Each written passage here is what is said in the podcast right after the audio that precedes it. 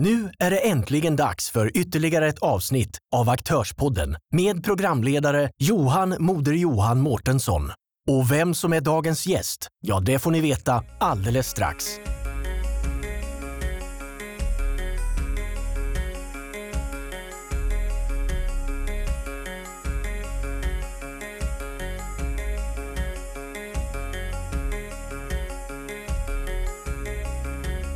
Varmt välkomna här till Aktörspodden och detta är Johan Mod Johan Mårtsson. Och idag sitter vi i varning bané hos Hotell Flora och Flora Workspace i centrala Göteborg.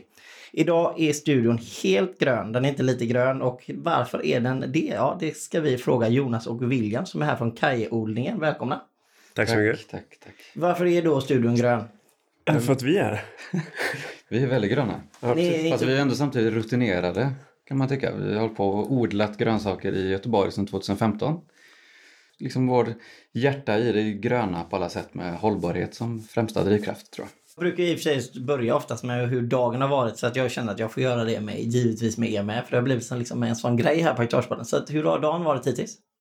Eh, ja men katastrof. Igår var nog sämsta i mars. Det kan jag lugnt säga. Otroligt dåligt humör. Eh, men det var ju också det här att det var otroligt. Det var ju fint väder. Eh, det blev en knäpp där i slutet av februari. Och man tänkte att nu börjar det. Och sen kommer det och så blir det skit igen. Och då går man in i någon form av depression. Ja, men det är vädret. Vädret är väldigt viktigt. Väldigt otroligt viktigt. Ja, vi är väldigt beroende av det kan man säga. Så, men är det, är det så här, har ni koll på prognoser och sånt här, väderprognoser? Ja. Stäm, Ja. Stämmer alla? Eller vil, vilken tror ni på? Yr. Är är det den norska? Ja. Men du tror inte på den svenska? Eh, jo, det gör SMHI heter den va? SMH heter den. Nej, man tror på yr. Ja. Ja, men nu tror jag absolut. Jag vill ju identifiera mig som en sån som kan läsa himlen.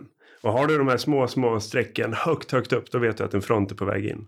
Och sen känner du också, och sen känner du, tycker jag, när, när stora vädersystem byter. Vi alla liksom, från höst eh, till, eh, till vinter eller från, från vår till sommar. Eller framförallt från vinter till vår.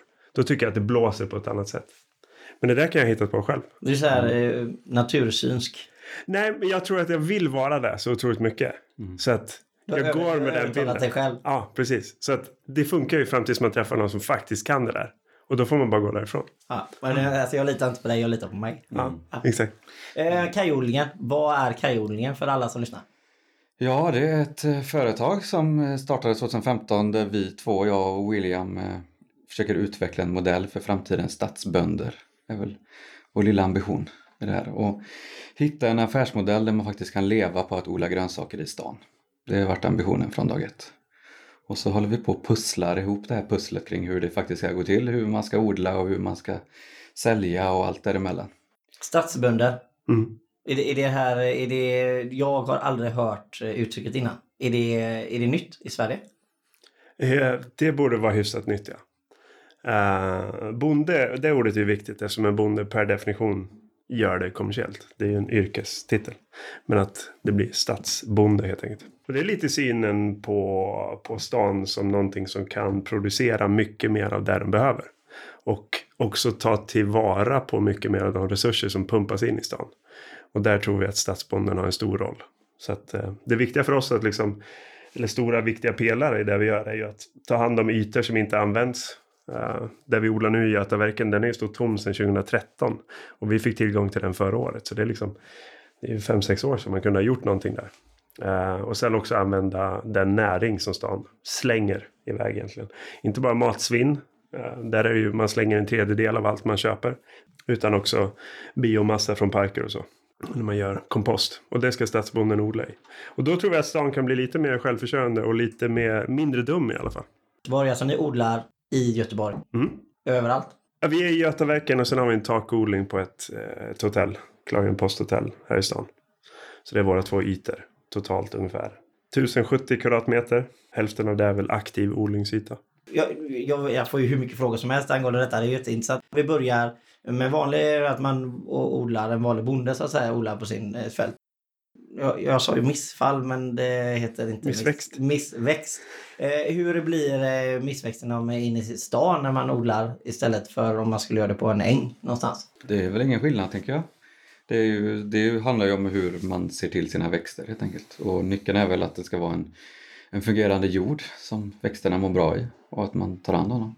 Ja, precis. Men ni pratade om att ta vara på avfall från Göteborg. Mm. Mm. Eh, och då, alltså, nu får vi prata mer om jorden då. Är det, är det speciellt? Ja men det har det lite mynnat ut i sen vi började så, ja, det är ju vår fjärde odlingsyta den vi har nu som är den största vid Götaverken. Sen start så har det väl liksom ändrats lite kring vad som vi tycker är viktigt. Jag tror när vi började så var det i väldigt liten skala med 40 pallkragar på ganska nära Järntorget här nere vid Masthuggskajen. Eh, och då var det väl mer egentligen att se om det fanns ett intresse. Kan man egentligen leva på att odla grönsaker i stan? Kan man sälja grönsaker från stan? Och finns det något intresse?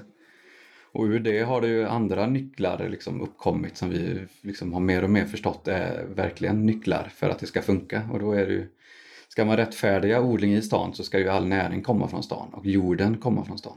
Eh, så det har vi ju verkligen eh, fokuserat på de senaste åren. Att försöka hitta den här liksom perfekta blandningen av produkter från stan för att ja, grönsakerna inte ska få missväxt. Det här med CO2-utsläpp och miljöförstöring och allt det här. Det här måste ju vara det som ändå är en, en ganska stor nyckel i er verksamhet. Att det ska vara miljövänligt. Är grönt. Ja. Och vad, alltså finns det grönare jord då? Är det här grönare jord? Ja, det egentligen handlar det om. Grönare jord är ju att hur, hur mycket den lever egentligen. Eh, hur, mycket, eh, hur många arter som finns i en matsked du plockar upp. Och lite som om man jämför med konventionellt där man ofta plöjer upp och pumpar i kväve, fosfor, kalium. Eh, det är i stort sett det. Liksom bara av plöjningen så, så slaktar du en massa liv som bor där nere. Och som ska jobba ihop med rötterna. Uh, och, sen, och sen att pumpa i de här tre stora näringsämnena som liksom, där 80 procent rinner bort och, och, och övergöder våra hav istället. Så egentligen handlar det om att respektera jorden och, och se till så att det som bor där får fortsätta bo där och hitta någon form av balans. För jord är ju magiskt på det sättet. Det- En skogsdunge funkar ju så, men vårt tarmsystem funkar ju likadant egentligen. Matar du den med bra saker så, så matar du också de bra bakterierna så blir din mage bra. Matar du jorden med bra saker så blir den bra. Det är väl en, en övergripande princip. Sen är det ju en bokstavligen en, en vetenskap där. Jag vet inte hur djupt vi kommer kunna komma. Ja, jag är ju inte speciellt eh, eh, intelligent i ämnet så att säga. Eller vad jag säga. Jag kan inte så mycket så ni, ni, eh, ni får prata med någon som inte kan så mycket här. Ja, precis. Ja, men bara en sån sak som mykorrhiza som jag snöar in på. Det, det är ju när svampar lever ihop med rötter. Vilket gör att eh, svamparna får då socker av växten. Eh, som den producerar genom sin kontakt med, med solen. Eh, och sen ger eh, mykorrhizan, alltså den svampen, ger tillbaka till växten eh, kanske fosfor. Eller kanske, alltså gör det mycket lättare för växten att ta upp de här ämnena. Och det här är ju, det är ju så, det här har hållit på i 420 miljoner år. Men som vi odlar nu och som vi sköter våran skog bland annat också. Så som vi behandlar marken, mark, punkt. Och hur vi eh, rovsköter den.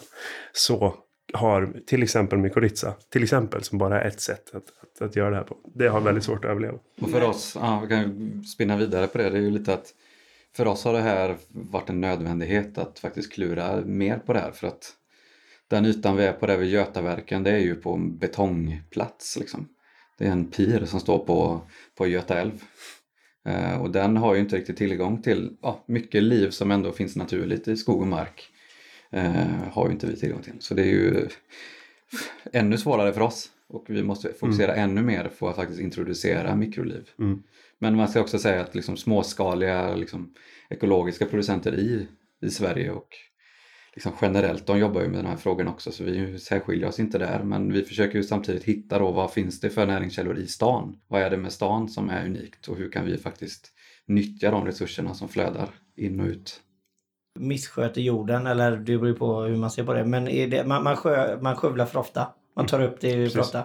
Och det gör att, eh, vad, vad gör det? Med, Om en bonde skövlar för ofta bara för att få upp mer och ha mer produkter att sälja. För att det här handlar om volymer. Ja. Att det handlar om pengar i slutändan. precis. Ja. Vad, vad är det, alltså hur ofta skövlar man någon, eller en vanlig, alltså, jag vet inte vad man ska säga, eh, någon verksamhet i Holland som lever på att sälja tomater. De, hur ofta skövlar de gentemot er? Jag tror du behöver, det behöver ligga i träda. Vad kan det vara var tredje år kanske? Nu kanske jag blir slaktad. Hur de gör. Men då, har du, då ser du de här klöverfälten i alla fall. I alla fall i Sverige. Och då skickar man ut någonting som, som täcker jorden och, och drar ner lite kväve och så vidare. Eh, och sen kan man mylla ner det där och sen ut med köra igång igen efter det här året det har legat i träda. Så det- alltså, nu kan inte jag ens vad träda är. Då, då, då, brukar, då odlar du inte någon form av cash crop. Du odlar inte någon gröda som du drar in pengar på då. Utan du låter jorden vila. Så Låt ni låter ju, ni, ni, är det varannat år ni skövlar? Nej, vi, vi skördar varje år och vi skördar otroligt mycket. Så det är det som är liksom våran utmaning. Hur kommer jorden må i det här? Men om man tittar på andra småskaliga jordbruk i USA. Så jag vet inte hur, mycket, hur många kilo de får ut per kvadratmeter. Om man tar de här eh, Clean Singing Frog Farm eller vad det heter. Ja, hur, de, har ju, de hade ju siffror på hur mycket kol de band och hur mycket eh, grönsaker liksom de kunde producera på en kvadratmeter. Det var helt otroligt. Men då var det ju ute på en vanlig eh, ja, liksom de har kontakt med, med alv, det som är under själva matjorden och så vidare. Så att eh, vi tror att man kan producera mer per kvadratmeter än vad man kanske kan göra på landet. Och ambitionen är ju att det ska bli en kolsänka.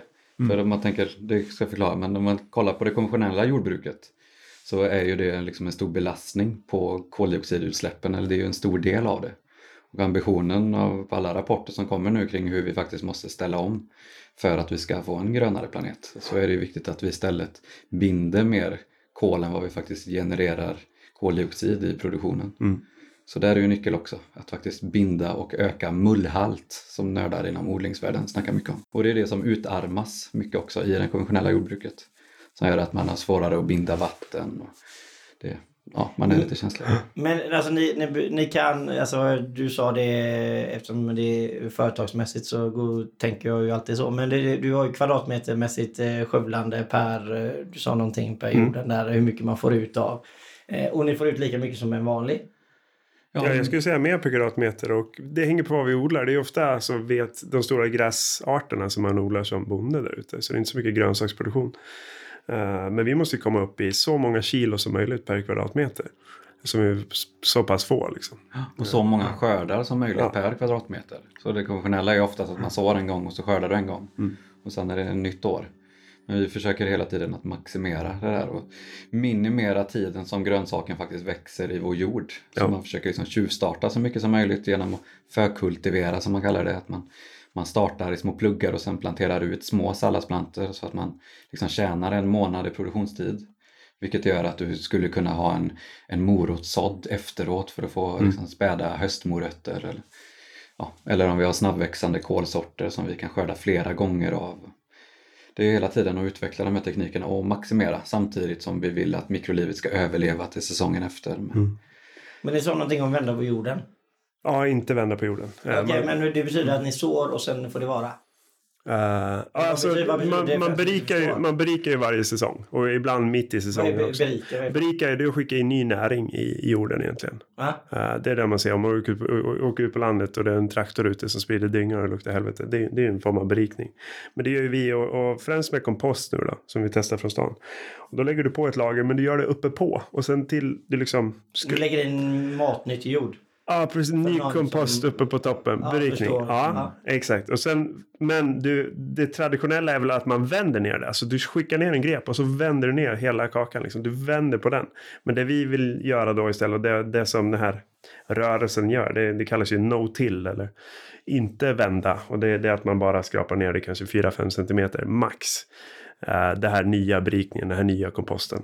Eh, och sen får det vara så. För att då, när, desto mindre du vänder det, ju mer du, desto mindre du vänder, desto mer överlever saker som bor där nere. Och vi vill ha artrikedom. Så biologisk mångfald, det är ju inte hur många, hur många arter vi odlar, utan det är hur många arter som finns i en matsked jord vi plockar upp. Liksom. Och där vill vi ha så många som möjligt och balans dem emellan. Du hade läst någonting, det var mellan svamp och bakterier. Det ska vara något ratio. ja. Och det är liksom, vad är en matsked kompost? Vad brukar vi säga? ja, men det är väl lika många olika arter av liv där i som det finns människor på jorden.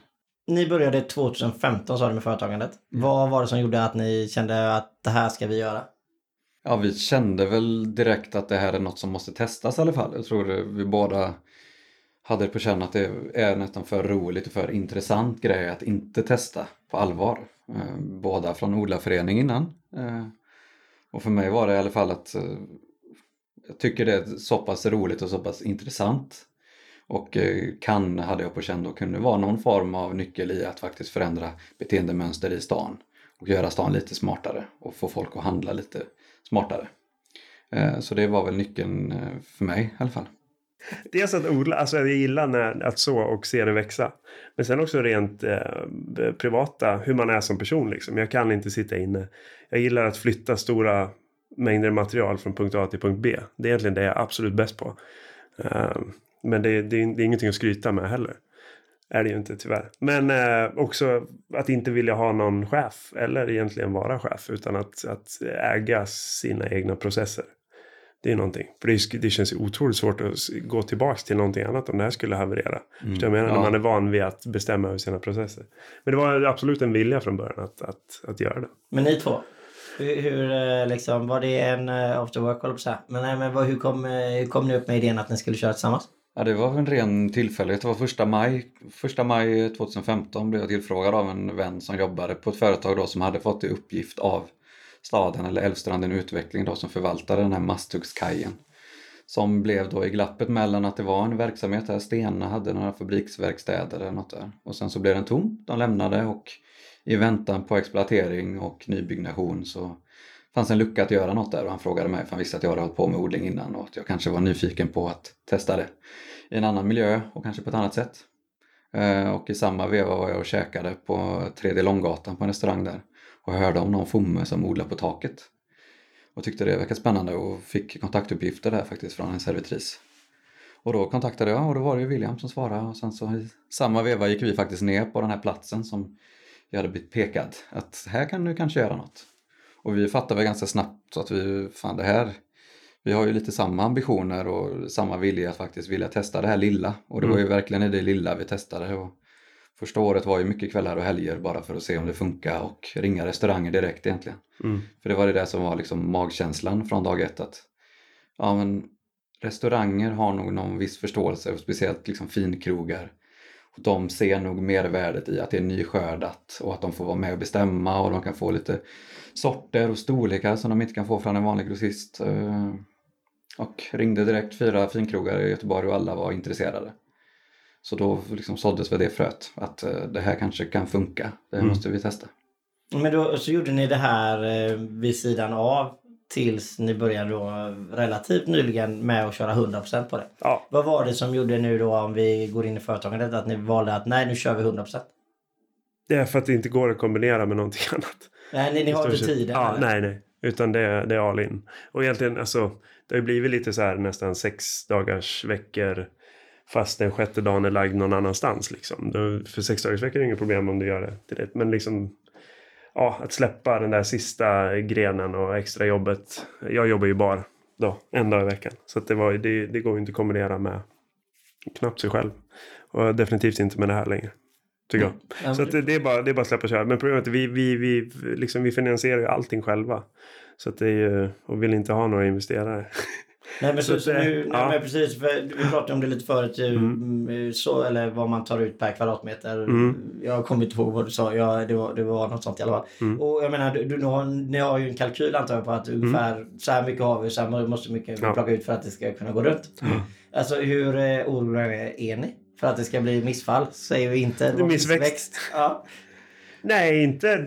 Alltså vi är så pass vana tror jag med en sån här absurd kris varje säsong eftersom det är säsongsbundet så har du en grand theory. Det, alltså nu ska vi testa den här jorden. Nu ska vi testa det här sättet att vattna. Och det går åt helvete. Då är du, då är du körd den säsongen. Åtminstone halva.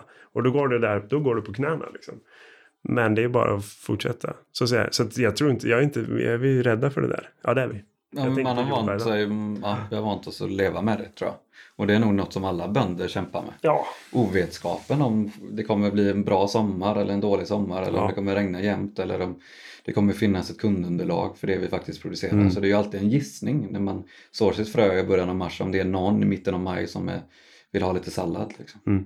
Så det, det är ju en osäkerhet man får leva med och försöker göra mer och mer kvalificerade gissningar för varje mm. år som går. Jo men sen är det ju, alltså det här är ju era, eran företagsnisch. Det här med just att eh, göra, alltså, men sen har ju allt det andra inom företagen. Det här med marknadsföring, mm. eh, bok, det är redovisning, det är liksom eh, synas digitalt, sociala medier, alltså mm. allting som är. Hur, eh, hur jobbar ni med det då? Där, vi har ju kört liksom Instagram och Facebook som vanligt men där, där ser jag fram emot den här när man har sina kunder som är så nöjda med vår kvalitet Eh, och så nöjda med oss som har faktiskt möjligheten att på lunchen springa ner och säga jag provar den här på en restaurang där, kan ni prova att odla den? Alltså den närkontakten. Så att det jag vill se är ju 60, 70, 80, 90 trogna kunder som nästan är som ett gäng liksom. Eh, och där man verkligen är en del av någonting större. Uh, för om du förstår vad jag menar. Så det, det tycker jag, det, det är någonting man strävar mot. Mm. Ja, för ni adderar hela tiden nya saker även till företagandet. Alltså ni cyklar ut med eh, grönsakerna har jag förstått. Så. Ja. Mm. Ja men det var, blev självklart redan faktiskt. Eh, ja, när skaffade vi cykeln? Det var väl egentligen 2016 där. För då flyttade vi från Masthugskajen till Frihamnen. Och fick möjlighet att odla där på en inhägnad yta på den gamla bussparkeringen där.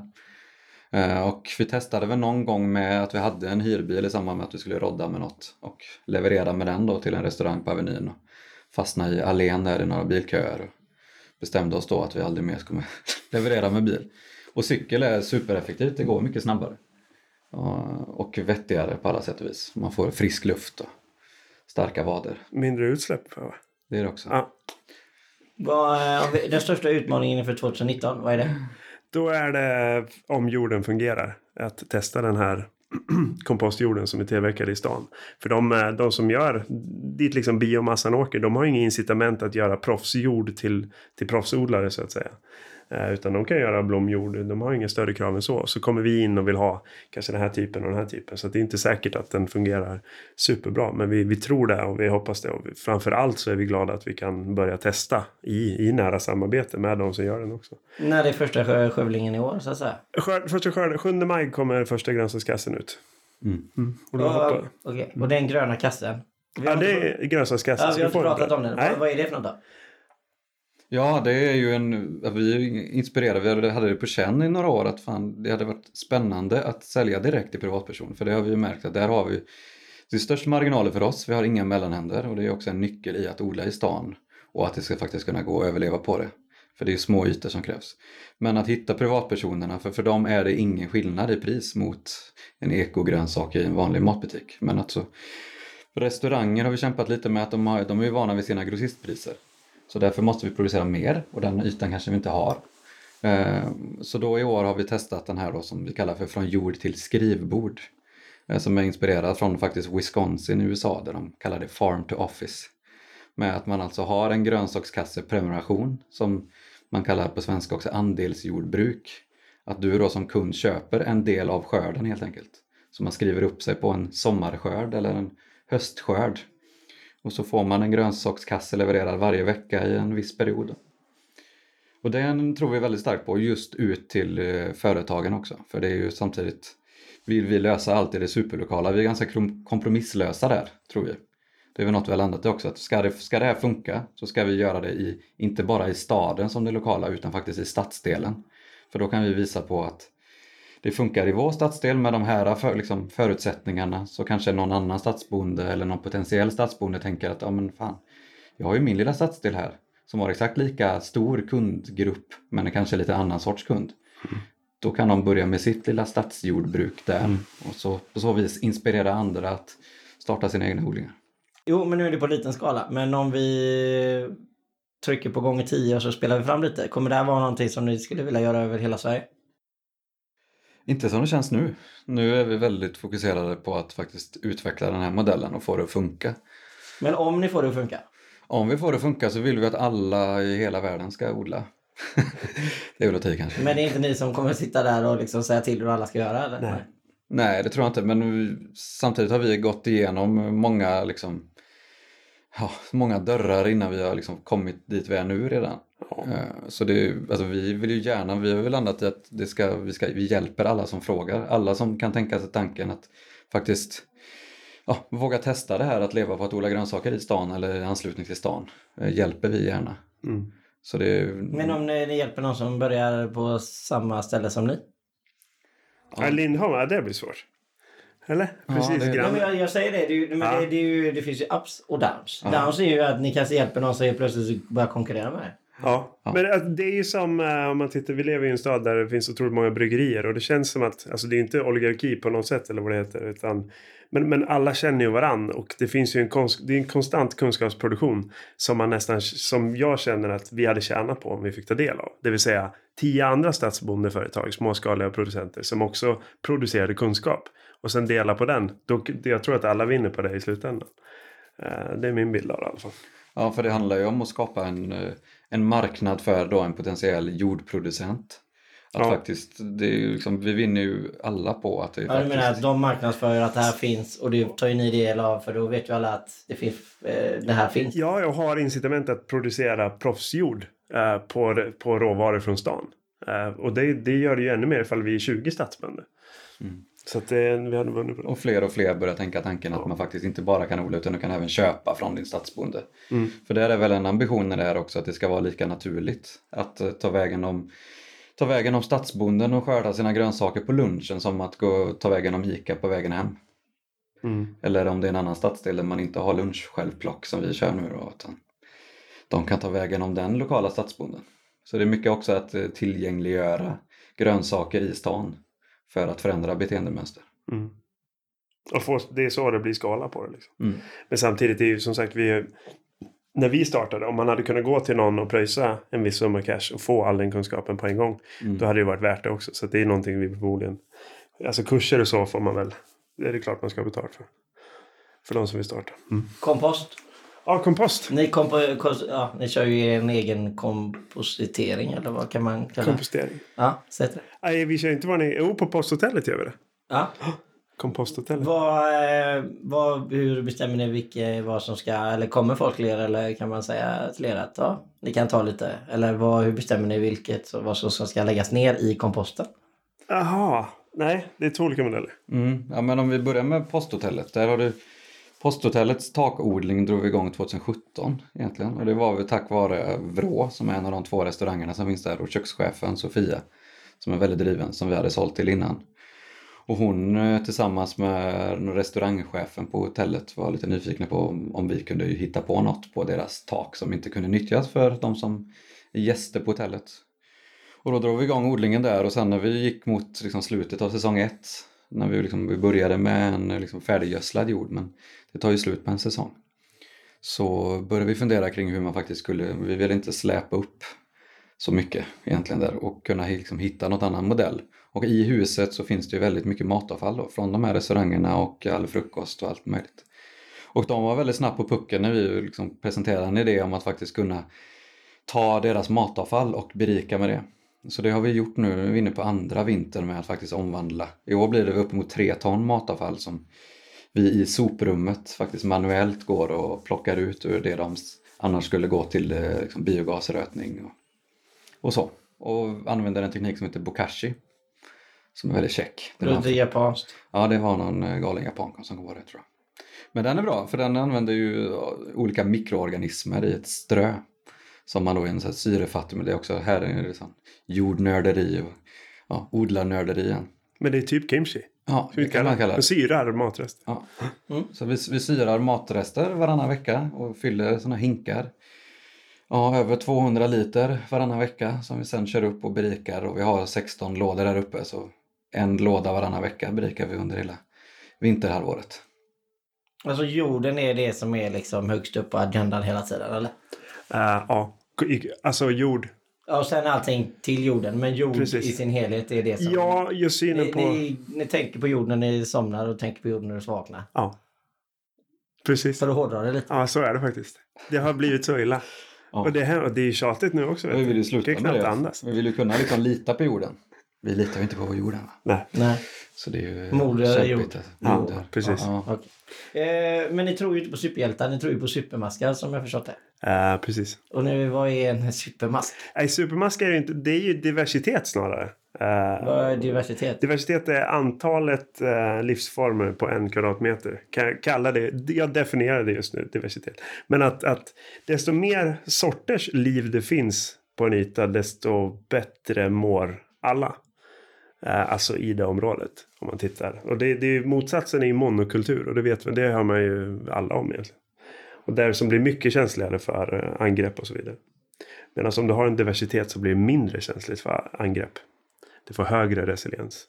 Så egentligen, och det är ju så naturen har fungerat i alla tider.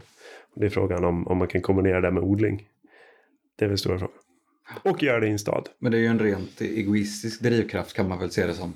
Att vi vill faktiskt att vi ska få så stor och bra skörd som möjligt. Ja, men det är inte konstigt. Ni, Nej, nej. ni är företagare. Ja, man kan ju vara grön företagare. Ja, Exakt. exakt. Så därför är det ju det är där fokuset ligger. Att du litar på jorden och skapa de här, den här strukturen och rutinen så att vi vet att vi får en bra skörd varje gång vi trycker ner ett frö. Men eh, och det, du menar att eh, supermasken är en mask som lever under de perfekta förhållandena? Det är supermasken?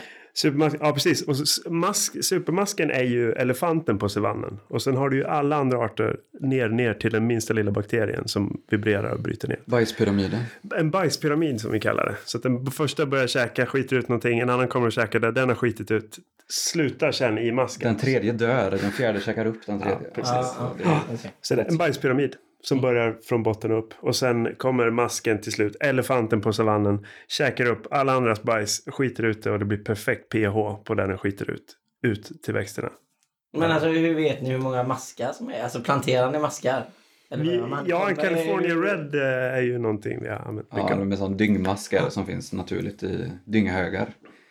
Som vi har liksom lyft upp på taket för att omvandla det här fermenterade eller syrade matavfallet i slutändan för att det ska bli hur, många, bra jord. hur många kubik är det ni har totalt? kubik jord totalt. Ja. men på taket så var det väl en 16 kubik tror jag som vi använde för att få igång den odlingen och på Ja, ute på piren så är det väl en 150 kubik någonting tror jag. Jo men det är de två ställena. Ni har eh, 166 kubik totalt sett. Ja. Just nu. Ja. Och Göteborgs stad slänger, med kranskommuner, slänger ungefär snart upp i 60 000 ton matavfall per år. Så det finns lite att ta av. Ja. Det Så det är fullgod näring. Det är fullgod näring. Kommer ni, om det här, om det här fungerar, Mm. kommer ni öka upp volymmässigt? Vad, alltså kommer det bli större stadsbönder? Nu, ja, det intressanta är hur liten, tycker vi, är hur liten yta krävs. För då kan du åka till Hamburg, du kan åka till Rotterdam, du kan åka till vart som helst och säga att ja men på den här ytan kan du försörja så, si och så många stadsbönder. Så att säga. Det kräver det här och det här, vi kan bygga upp det på den här korta tiden och vi kan också avveckla ifall vi måste flytta på den här korta tiden.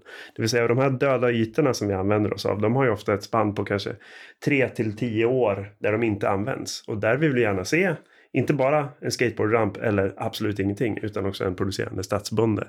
Som egentligen flyttar ut, flyttar dit, fäller ut sin magiska duk, odlar upp den, fäller in den om den måste och drar. Eh, det, det är ju så. Så ni kommer typ targeta typ eh, de stora byggbolag eller eh, fastighetsbolagen, typ Wallenstam, Bygggöta, eh, ja vad de alla heter. Mhm. Vasakronan. Det är de ni kommer satsa på. De, de vill ni ha samarbete med för att ni skulle vilja utnyttja deras stad. Ja, om de, om de ringer så absolut. Då, då, då vill vi gärna diskutera det. Men det vi vill se är ju fler, eller jag vill se är ju fler företagare, fler producenter, fler stadsbönder. För jag tror på diversitet i företagarlivet också. Alltså många, många små företag. Men om ni får möjligheten, om jag kommer och säger så här att jag har 100, ni kan eh, så 160 kubik till. Mm. Hade ni gjort det? I dagens Nej, det är nej, svårt att ha tid med. Nej, det hade vi inte hunnit. Nej, för alltså, jag förstår inte alltså, hur mycket tid tar det. De här 166 kubikerna ni har idag, det tar er fulla tid. Vi, vi kan väl kalla det t- 1070 kvadratmeter istället. Och det, det skulle jag ja, säga tar ja. fulla tid. Men jag tror vi kan expandera. Alltså vi skulle kanske kunna dubbla ifall alla rutiner satt. Om Ja. jag bara ska gissa. Ja. Och det är, det, är, det, är, det är ju inte helt omöjligt att vi gör Men det det. här nu är ju företagssidan hos er som pratar. Mm. Ja, Ja. men så är det. Ja. Så nu är det bara att sätta modellen och kolla att den här jorden fungerar. Bevattningssystemet fungerar. Hur mycket vatten kan vi hålla? Hur mycket liv får vi i jorden? Förstår du? Och vilka kunder ska vi sälja till? Ja, Så det, nu är det ju ambitionen i år är ju Alltså vi har ju lagt väldigt mycket energi i år på att faktiskt planera upp för det blir lite annan sorts planering nu mot restauranger. Då hade vi liksom några få grödor som vi visste var liksom bra kilopris, bra kvalitet på och som saknas. Mm. Men nu så är det liksom en större mångfald av grödor som vi måste odla för att det ska vara en intressant grönsakskasse för slutkunden. Och i år har vi räknat på att vi har uppemot tre ton grönsaker kommer vi skörda. Det tycker vi är ganska bra. På vår lilla yta. ja, så skönt att säga. Ja, skönt att säga nu innan. eh, Ja, vi kommer ju, alltså, ni har, kilo. ni har ju sagt 41 det kilo. liksom. Ja. Nu vet ju alla om det så att det kommer ju alla fråga liksom, hur mycket blev det? ja, får, Nej, men vi är, vi är väldigt ärliga med våra ab- abnorma misstag också. Det är inga konstigheter. Men, men som sagt, den här kombon är inte många som gör det heller. Det är ju verkligen, det är ju det är första gången man testar på det här sättet. I Sverige är det ju ganska nytt, eller rättare sagt för publiken är det väldigt nytt för att jag har aldrig hört talas om det tidigare. Men om vi jämför inte bara med Sverige då som det här är relativt nytt. Hur nytt och hur mycket finns det i andra stora städer runt om i världen? Uh, för det första, vi gjorde det ju, alla har ju alltid gjort det i alla tider för att spä ut hushållskassan. Så man tittar både djurhållning och så. Så, så för hundra år sedan i Sverige så hittade du mycket mer. Men du gjorde liksom familjen där. Du hade din köksträdgård vart du nu hade plats. Och det skedde i Majerna, det skedde på Söder i Stockholm, vart som helst. Så det hade ju en produktion i städerna för att spä ut och ge dig själv mer näring. Så, att, så att det, har ju, det, det, är ju, det försvann snarare från Sverige och nu är det tillbaka, kanske i en annan form. Det är väl Mm. Ja, men man kan, om man börjar i Sverige så är ju inte vi är väl unika i att faktiskt odla på betong. Var betong eller asfaltsbönder som det kallats. Eh, men om man kollar det, det småskaliga som anslut, i anslutning till en innerstad så har ju det börjat poppa upp i flera städer nu.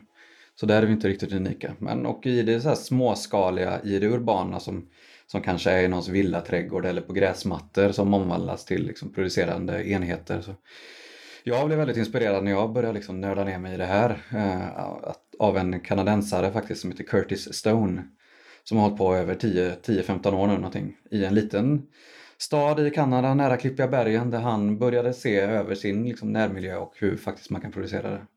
Och har började på sin egna tomt liksom, i sin egna villa, villaförort och har sen liksom hittat modeller där man faktiskt kan ha tre, fyra småplättar och liksom samarbeta med fastighetsägare och markägare för att få till någonting och bygga ett socialt kapital och få med sig det här sitt lilla lokalsamhälle. Så han säger att allt han har gjort eh, har varit olagligt. Men att i slutändan är det ingen som kan ta det ifrån honom eller gå emot honom för alla älskar det och det är mm. klart det ska finnas. Så det är väl ett exempel. Och du var ju i New York. Ja, i New York finns det ju några av världens största takodlingar. Eh, Brooklyn Grange heter de. Det finns i Queens och eh, Brooklyn Navy Yard. Och där har de, eh, jag tror en hektar totalt med, med takodlingar. Enorma saker. Uppe på 11 våningshus liksom. Jag tror. Ja, 11 våningar. Så där är ju hur fint som helst. Det finns höns. Liksom man står och tittar på en höna och så har du utsikt över Manhattan där i Brooklyn. Så det, det, det är fint. Och där såg jag att det här går ju verkligen att göra. Det här går verkligen att göra. Sen är det bara att applicera det på Göteborg. Vi pratade om det lite förut. Eh, konsultande håller vi på att säga, men företagande och givetvis föreläsningar. Är det någonting som du håller på med i dagens läge? Föreläsning är någonting? Ja, det gör vi. Är det, är det här det är en del i företagandet? Ja, det kan man väl säga. Absolut. Absolut. Eh, det har ju liksom bara kommit av sig själv på något sätt. Att vi först var vi väldigt tidiga med det och då blir man liksom per automatik inbjuden till diverse saker och sen så så har vi väl utvecklat det mer och mer tror jag. Och det känns som att det där är ju en eh, det är verkligen ett sätt för oss att marknadsföra det vi håller på med och även lära känna andra som har helt andra infallsvinklar. Och, mm. så, så det är väldigt roligt att göra. Har, har Göteborgs stad, eh, eftersom det här är Göteborg vi, eh, ni har, har de alltså pratat med er någonting överhuvudtaget? Alltså, för det här är ändå liksom någonting som ändå har med staden att göra. Ja, ja, det har de. Uh, vi, vi odlade i Frihamnen i två år. Och då eh, arrenderade vi en yta som Göteborgs fastighetskontor hade hand om. Där vi fick chansen. Liksom, vi arrenderade till samma pris som, som folk arrenderar ute på landsbygden. Så de två åren fick vi liksom mycket billigare yta mitt inne i stan. Det här var i och för sig en gammal bussparkering som inte användes till någonting. Eh, men, men vi fick ändå ett schysst pris. Liksom. Så det var två år som vi fick verkligen chans att prova olika modeller och vad man skulle odla. Så där, där, Göteborgs stad är duktiga. Är mm. Och där är det också mycket föreläsningar genom dem för att vi är ett gott exempel liksom, ja. i arbetet med att skapa nya gröna företag. Mm. Ja, cirkeln. Alltså allt går runt. Mm. Runt, runt. Amen. Eh, vi börjar bli lite eh, tunna på manuset så att säga. Så jag säger att ordet är fritt. Är det någonting vi har glömt? Något som vi ska tillägga? Ja, nej men jag tycker eh, alltså det, det vi vill med den här grönsakskassen det vill vi verkligen få ut och få folk faktiskt att våga testa. Så är man ett företag på Lindholmen eller nära Stenpiren så får man gärna kontakta oss. För I år så är ambitionen att kanske hitta en 5-6 företag nära anslutning till vår eh, odlingsyta där vid Götaverken. Och hitta samarbeten och utveckla den här modellen tillsammans. För det ligger nog i allas intressen att det här ska funka om vi ska få en grönare stad i alla fall. Mm. Uh, ja, vi skulle vilja tacka alla som uh, på något sätt stöttar oss. Och egentligen de som hatar oss också, det är roligt. Uh, den, den skit man får för att man kan lära sig mycket av dem också. Nej men Posthotellet och Sofia och Martin och folk på Göteborgs stad, Martin Berg. Som alltid har varit med och som man känner hoppas att det ska gå bra. Det är de Ja, och alla våra flickvänner. våra flickvänner som vi får att, att överleva. Ah. Men det, jag tycker också mycket alla nu som visar intresse för att faktiskt våga sig på detta. När vi startade var det väldigt få som ens tänkte tanken, tror vi. Mm. Eller som jag stötte på i alla fall. Men nu är det alltid folk och det, vi kommer ha några praktikanter i år som går liksom trädgårdsutbildningar och som vill göra något sånt här när de är klara. Och de tankarna tror jag inte riktigt fanns för bara tre, fyra år sedan. Så eh, tack till dem som vågar tänka tanken och vågar eh, liksom komma ut till oss och Mm. erkänna att de inte kan. Och vi känner att vi kan inte heller så mycket, men vi kan kanske lite mer. För man blir ju mindre dum i huvudet desto fler som tänker tanken. Vilket är skönt. Uh, sorry. Mm, och med det så säger vi tack så hemskt mycket för Aktörspodden och eh, som sagt har vi haft en väldigt grön studio här idag. Där vi har haft med kajodlingen och är ni mer intresserade av dem så får ni gå in på deras hemsida som är kajodlingen.se. Jag heter ju Johan, Moder Johan Mårtsson och du har haft turen, eller ja, kanske lite så i alla fall, att Aktörspodden finns. För det är så vi heter. Ha det nu så himla gott och ha det gott från oss alla. Ha det gött!